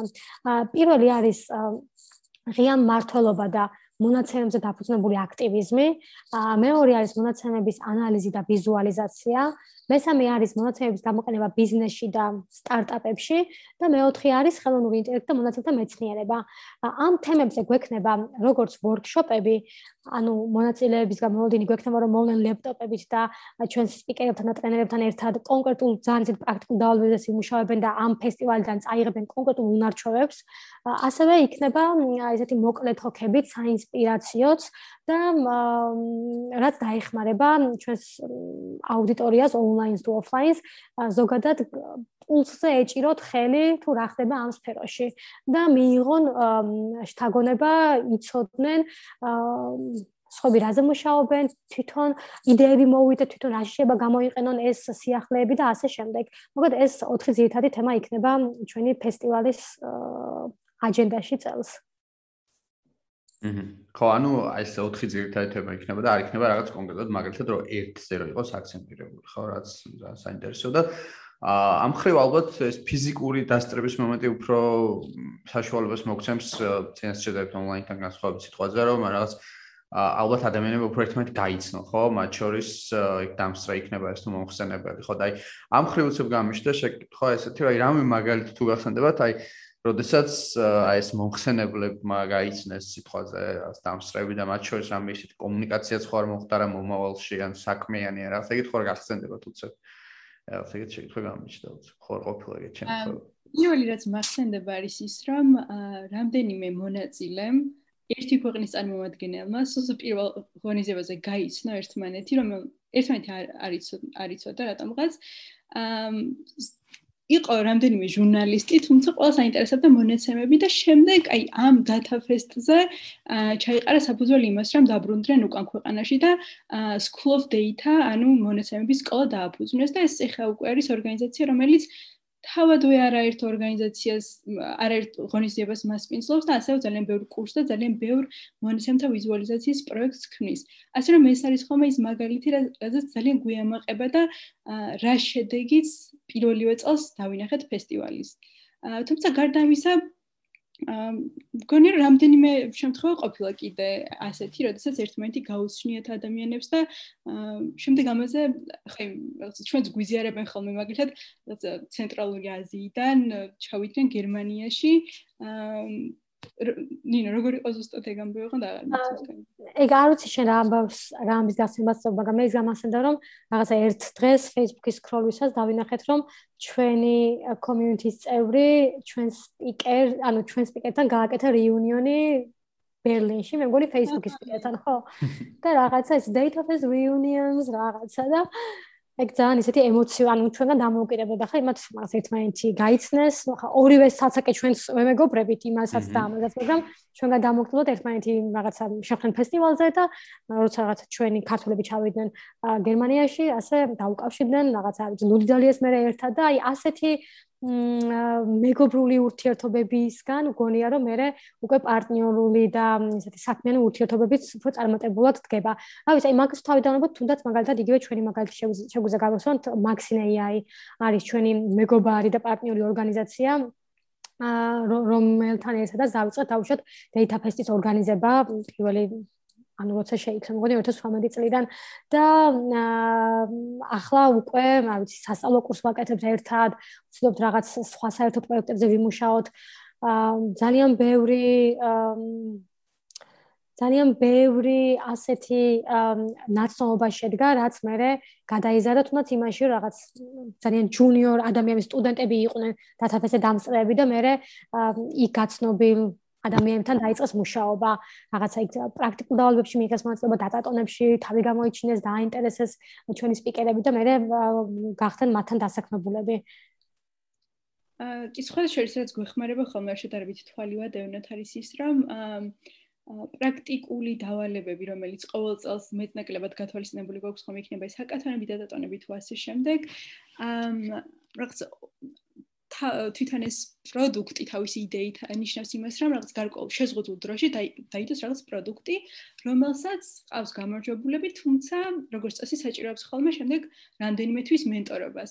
აა რადგან Database თბილისი არ არის უბრალოდ რაღაც სამდღიანი თუ ხუთდღიანი კონფერენცია, რომელიც იწყება და მთავრდება და შემდეგ მეორე წლამდე აღარაფერი ხდება, ასე რომ შენ მოაგზავნებთ ხოლმე ამ ადამიანებთან ურთიერთობას, ვამენტორებთ და ნუ გარდა იმისა, რომ რაღაც სრულფასოვანი პროდუქტები იქნება ფესტივალის შედეგად, ასევე ეს ადამიანები, რომლებმაც ერთმანეთი ფესტივალზე გაიცნეს, ტესტავენ ასე ვთქვათ, ერთმანეთთან მუშაობას, რაც ჩვენ ძალიან გვეიმედება, რომ რაღაც ეტაპზე საშუალებას მისცემთ, რომ კოლაბორაცია სამომავლო კოლაბორაცია შედგეს და ეს ის აა გადაკვეთებია ხოლმე, რომელიც აი ჩვენი აზრით და ჩემი აზრით, რო არ განვაზოგო და ჩემი აზრით არ მოხდებოდა ყოველდღიურობაში, იმიტომ რომ მაგალითად აი ტაჯიკეთიდან ჟურნალისტი და რაღაც ესპანეთიდან გრაფიკული დიზაინერი შეხვდა ერთმანეთს და გენდერულ პრობლემებზე იმუშავა, ხო, რაღაცა გენდერული მონაცემები გაანალიზა და ასე შემდეგ. აი ესეთი ბევრი მაგალითია. და ნუ ხო რა, რაღაც ვცდილობთ ხოლმე რომ გავყვეთ ამ ისტორიებს და შემდეგ თვალი ვადევნოთ. თუმცა გრძელ საკმაოდ გრძელვადიანი პროცესია ამ გრძელვადიანი შედეგების დანახვა და ესე ერთ დღეში არ დგება. რაღაც მოკლევადიანი შედეგები არის, ძალიან მოგწონს, ძალიან გვიხარი ხოლმე თვალყურის დევნება, თუმცა ესე 2017 წლიდან ვაკვირდებით ადამიანებს და ამ კოლაბორაციებს და უყურებთ დი იმედით, რომ უფრო და უფრო კიდე დიდ რაღაცებში გადაიზრდება. აჰა. ხო და აი თანამშრომლობაც რო ახსენეთ აი მეუცების შეკითხვა გამიშდა აი ამ ხრივ რა გზა გამოიერეთ იმ კუთხით რომ ანუ აი დაფინანსების კუთხით სიტყვაზე. რამდენად მარტივი ან რთული იყო გინდაც საქართველოსში ამ კუთხით რომ რაღაც ბიზნესის დაინტერესება ხო? ანუ ამ ან ვისთან ან ვის თანამშრომლობთ ამ კუთხით აი აი ესეც საინტერესო არის რა ანუ როგორი და მედიის კუთხითაც მაინტერესებს კიდე ზოგადად როგორ დაინტერესება ხოლმე რა ნუ აი მედიის მხრიდან საქართველოსში ან თუნდაც შეიძლება უცხოეთანაც მოდის რაღაც კონკრეტული დაინტერესებები ესეც მაინტერესებს ან რადგან არაერთხელ ვახსენეთ რომ რაღაცნაირად ძალიან ბევრი პროფესიის ადამიანს აინტერესებს ფესტივალი. შესაბამისად, ჩვენი პარტნიორები ძალიან მრავალფეროვნები არიან ხოლმე. კერძო სექტორიდან გაგვიმართლა იმაში, რომ საქართველოს ბანკი ყოველწლიურად არის ჩვენი უცვლელი პარტნიორი, რაც დაგვახარებს და გვაძლევს იმის საშუალებას, რომ კიდევ და კიდევ უფრო განვითარდეთ.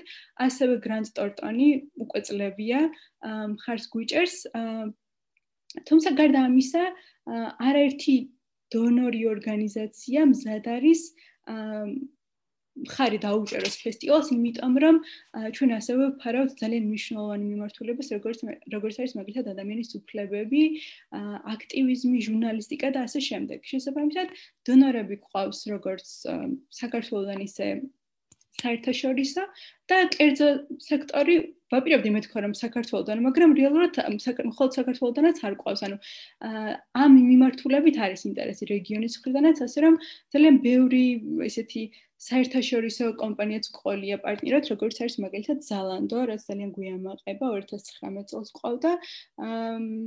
და კიდევ სხვა ბევრი და ყველაზე საინტერესო და სამაყვარის ის რომ ბევრი დამწყები სტარტაპის ყოლია პარტნიორი კერძო სექტორში, რაც მიგვანიშნებს იმას, რომ ისინი იაზრებენ ეგრეთ წოდებული კომიუნიტის მნიშვნელობას და მათი ასე ვთქვათ, მათი სურვილია, რომ იყვნენ პარტნიორები ამ ფესტივალის. რაც შეეხება მედიას, ონლაინ მედია არის ძალიან აქტიური მხარდაჭერი ამ ფესტივალის და ზოგადად ჩვენი ძირითადი პარტნიორი ყოველთვის არის ხოლმე ONG ახლაც Orange-ის პლატფორმაზე ვართ. თუმცა გარდა ამისა, ძალიან ბევრი მიმართულებით თანამშრომლობთ ხოლმე Orange-ისთან. Orange-ის გარდა კიდევ ძალიან ბევრი ონლაინ მედია გუჭერს ხოლმე მხარს წლების განმავლობაში. ამ პარტნიორებზე დავამატებდი, რომ აი დღეს ფიქრობ ისწორად, რომ მე მგონი თუ სწორად მახსოვს თეონი და თუ არასწორად შემისწორე, მე მგონი არც ერთი პარტნიორი არ არის ისეთი, რომელიც ხუთივე წელს იყო ასე ვთქვათ უცოდად ჩვენი პარტნიორი, ანუ როგორც წესი ენაცვლებიან ხოლმე პარტნიორები ერთმანეთს, რაც იმას ადასტურებს, რომ ასე ვთქვათ, რომელიმე კონკრეტულ პარტნიორობაზე არ არის დამოკიდებული პლატფორმა, იმდენად ასე ვთქვათ, მრავალმხრივ პარტნიორობაზეა დაშენებული და ეს რაღაც კუთხით ძალიან, რა ვიცი, მე მიამაყება, იმიტომ რომ უფრო დამოუკიდებლობის შეგრძნებას გვაძლევს ეს საორგანიზაციო გუნდს და მეორე მხრივ ყავს პარტნიორები, რომლებიც უკვე 3 წელია გადაბმულად ან შეიძლება რაღაც რომელიმე წლის ჩაგდებით რაღაც მეზის გამო, მაგრამ აი ეს რაღაცა 5-დან 3 წელი, 4 წელი, უფრო მეგონი 3 იყვნენ ჩვენი პარტნიორები. და რაღაც კუთხით მგონია რომ ეს ტენდენცია ძალიან დასაფასებელია, იმიტომ რომ ერთი მხრივ რაღაც კონკრეტულ პარტნიორობაზე გამოკიდებული არ არის პლატფორმა და ღონისძიება, მეორე მხრივ ყავს ისეთი ერთგული და ხანგრძლივი პარტნიორებიც, რაც ჩვენს გვაძლევს იმის საშუალებას, რომ თუნდაც აი ხა მაგალითად ეს ჰიბრიდული ღონისძიება ძალიან გვიან დავგეგმეთ, იმიტომ რომ არ ვიცოდით.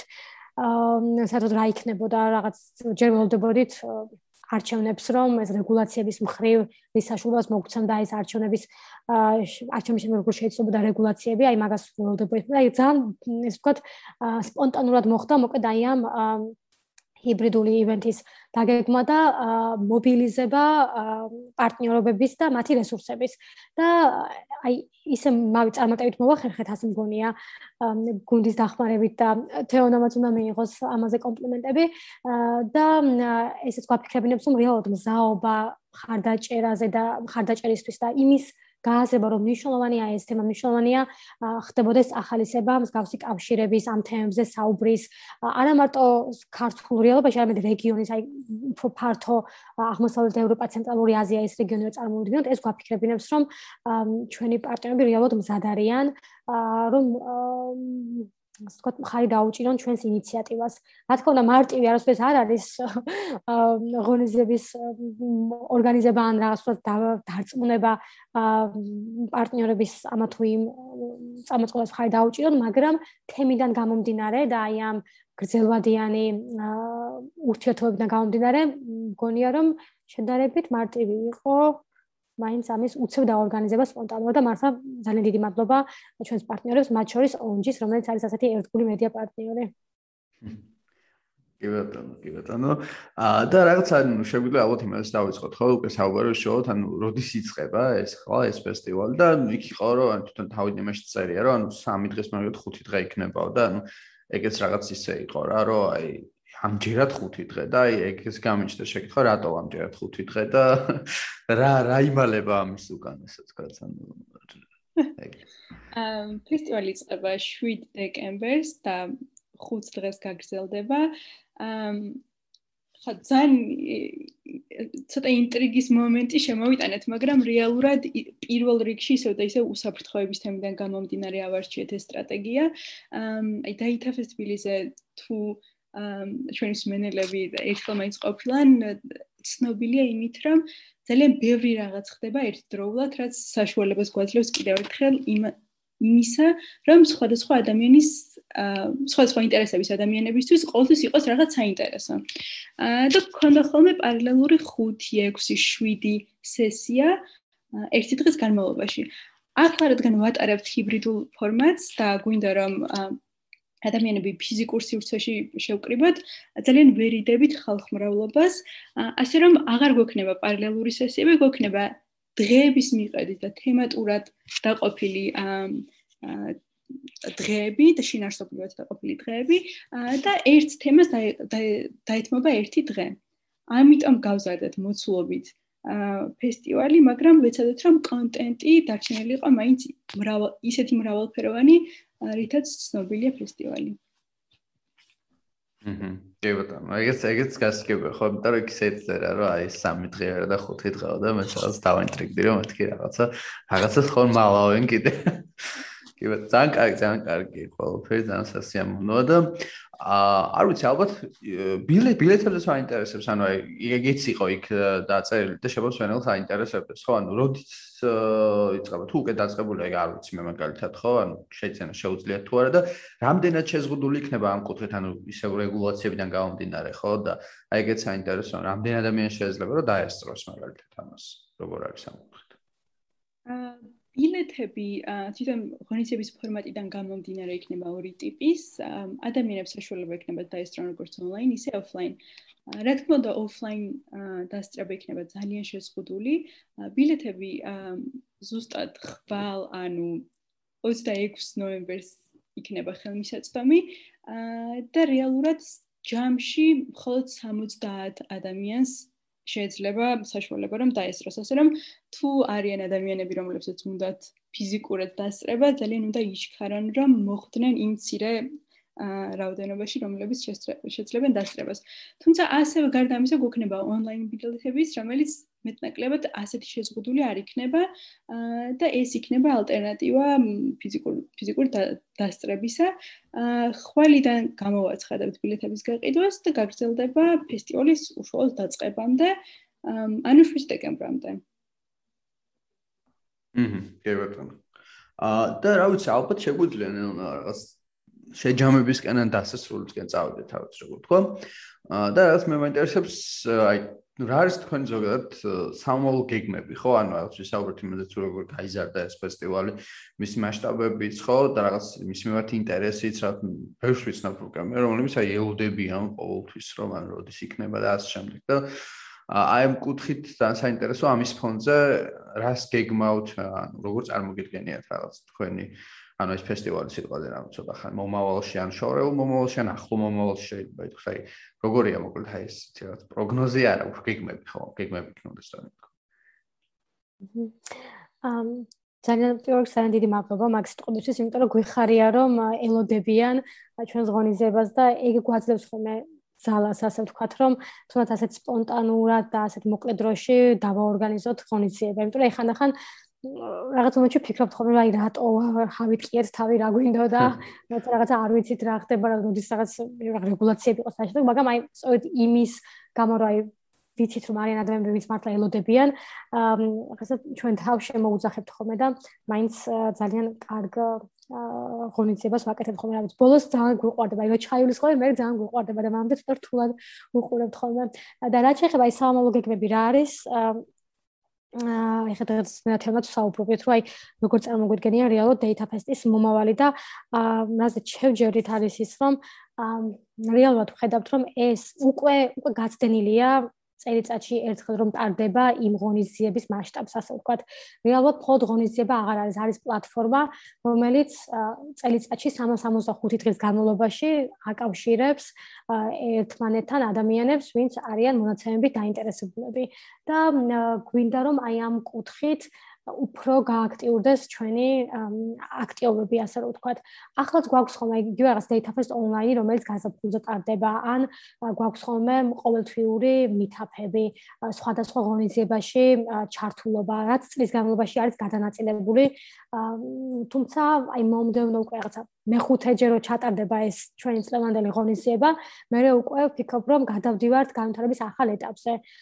და ეს ახალი ეტაპი სწორედ ის არის, რომ უფრო სტრუქტურულად გარდაიქმნას Datafest თბილისი ღონისძიებიდან პლატფორმამდე, რომელიც ხელშეუწყობს მონაცემების გამოყენებას ისეთ სფეროებშიც, სადაც რაშიც აქამდე მაინც და მაინც აქტიურად არ ხდებოდა მონაცემების გამოყენება. თუნდაც რომ ავიღოთ სოფლის მეურნეობა, ხო?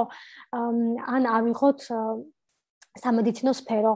აი ეს არის ზოგადად ის მიმართულებები, რაც მუდმივად გვაინტერესებს, გვინდა რომ ჩავთოთ ჩვენს აჯენდაში, მაგრამ ჯერჯერობით ესე ვერ ანუ იმდანაც ბევრ თემას მოიცავს მონაცემები, რომ რაღაცა ყველაფერზე ვერ მოვახდინეთ, მოვახერხეთ აქამდე ფოკუსირება.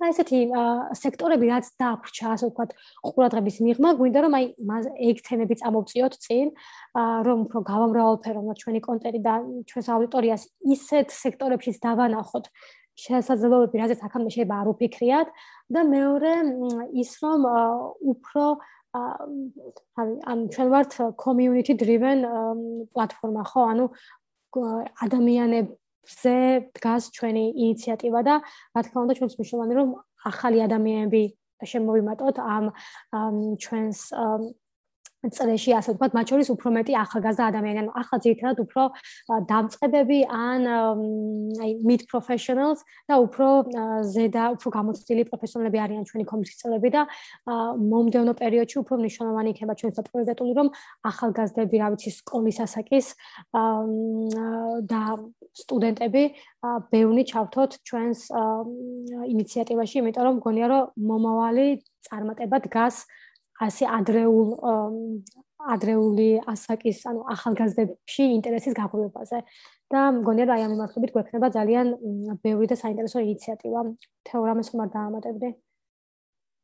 აა ერთადერთი იმას დავამატებდი რომ თავიდან რომ დავიწყეთ ფესტივალი რაც გაცვლა გქონდა მართლა high professionals რასაც ეძახიან ხოლმე და ისე ნელ-ნელა გზადაგზო აღმოვაშინეთ, რომ როგორი მნიშვნელოვანია მაგალითად სტუდენტების ჩართვა და ეხლა უკვე ბევრი წელია სტუდენტები და ახალგაზრდები ჩვენი განუყოფელი ნაწილია და ეხლა ზუსტად კიდევ ლაპარაკობდით, რომ უკვე სტუდენტებიც აღარ არის საკმარისი პირიქით. ტექნოლოგიები, მონაცემები ის სფეროა, როდესაც კიდევ უფრო ადრიდან უნდა დავიწყოთ აა ჩვენი წვლილი შეტანა და ეხლა უკვე რაღაცა სკოლებსაც განვიხილოთ, ასე რომ ესეც ძალიან ექსპერიმენტული და ცოტა ამბიციური იდეა, მაგრამ მე ძალიან მინდა რომ რა შეიძლება მალე მივწდეთ ამ სეგმენტსაც, იმიტომ რომ ჯერჯერობით აუთვისებელია აა ძალიან დიდი გეფი არის ეგრეთ წოდებული ამ მიმართულებით არ არის ძალიან ბევრი შესაძლებლობა და რატომაც არა ჩვენი რაღაც პლატფორმა რატომ არ დაუთმოთ ახალგაზრდებსაც თუმცა რა თქმა უნდა ტოვებთ ისევ იმ ჩვენს community-ს ვინც არიან უბრალოდ ვაფართოვებთ უფრო მრავალფეროვანს ვხდით, ვხდით უფრო ინკლუზიურს და რაღაცა ნენელა გეოგრაფიულ არეალსაც ვაშორებთ. ასე რომ აი ეს არის ცოტა ამბიციური და დიადი გეგმები, რომელიც გაგვაჩნია. თან ზაკარგე და რა ვიცი. წარმოტევებს გისურვებთ, იმიტომ რომ მართლა კარგი რაღაც საკეთებთ და აი ხ ჩემი ჩემი გამოცდილებით ჩემი ლეკითხრათ რომ თავიდან იყო რა უბრალოდ რაღაც სვენელის კუთხით აა მოდიოდი ხოლმე თქვენ ფესტივალზე მე იყო რომ რაღაც აა შარშან უკვე ვაშუქებდი უშუალოდ როგორც სამეცნიერო ჟურნალისტი რაღაც და ეხაც უკვე რაღაც ის მაქვს რომ მეც პირადად უკვე ისეთ შეგრძნება მაქვს რომ ველოდები ამას და რა ვიცი აა მოკლედ ძალიან დიდი მადლობა თქვენ და რა ვიცი მსმენელსაც ვინც მოგვისმინა ესე ვთქვათ მათაც დიდი მადლობა და რა ვიცი ანუ ყოველას გირჩევთ მე დარწმუნებული ვარ ვინც გვისმენს ძალიან ბევრმა იცის უკვე ისედაც. ბოჭა ბევრი რაღაცა ახალი გაიგეს სიტყვაზე დეტალები გაიგეს თქვენ ფესტივალზე და რა ვიცი თუ არის ესეთი მსმენელი ამ წელს ვინც არ დასწრებია აქამდე ესე ვთქვათ დატოფეს რა ვიცი აუცილებლად გირჩევთ ყოველას რომ დაესწროთ იმიტომ რომ ძალიან ბევრს და ძალიან კარგი რაღაცებს გაიგებთ საინტერესო რაღაცებს გაიგებთ და რა მით უმეტეს ხა ფიზიკურად შეხვედრის მომენტი რო არის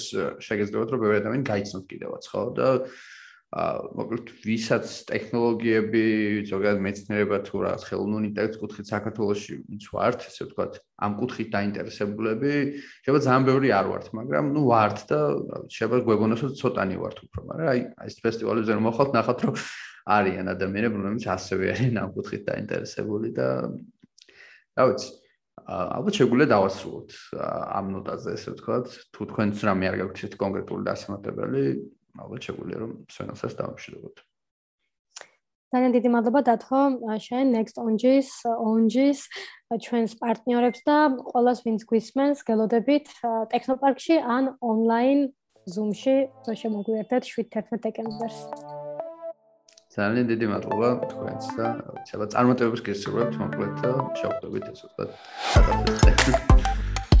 კარგად.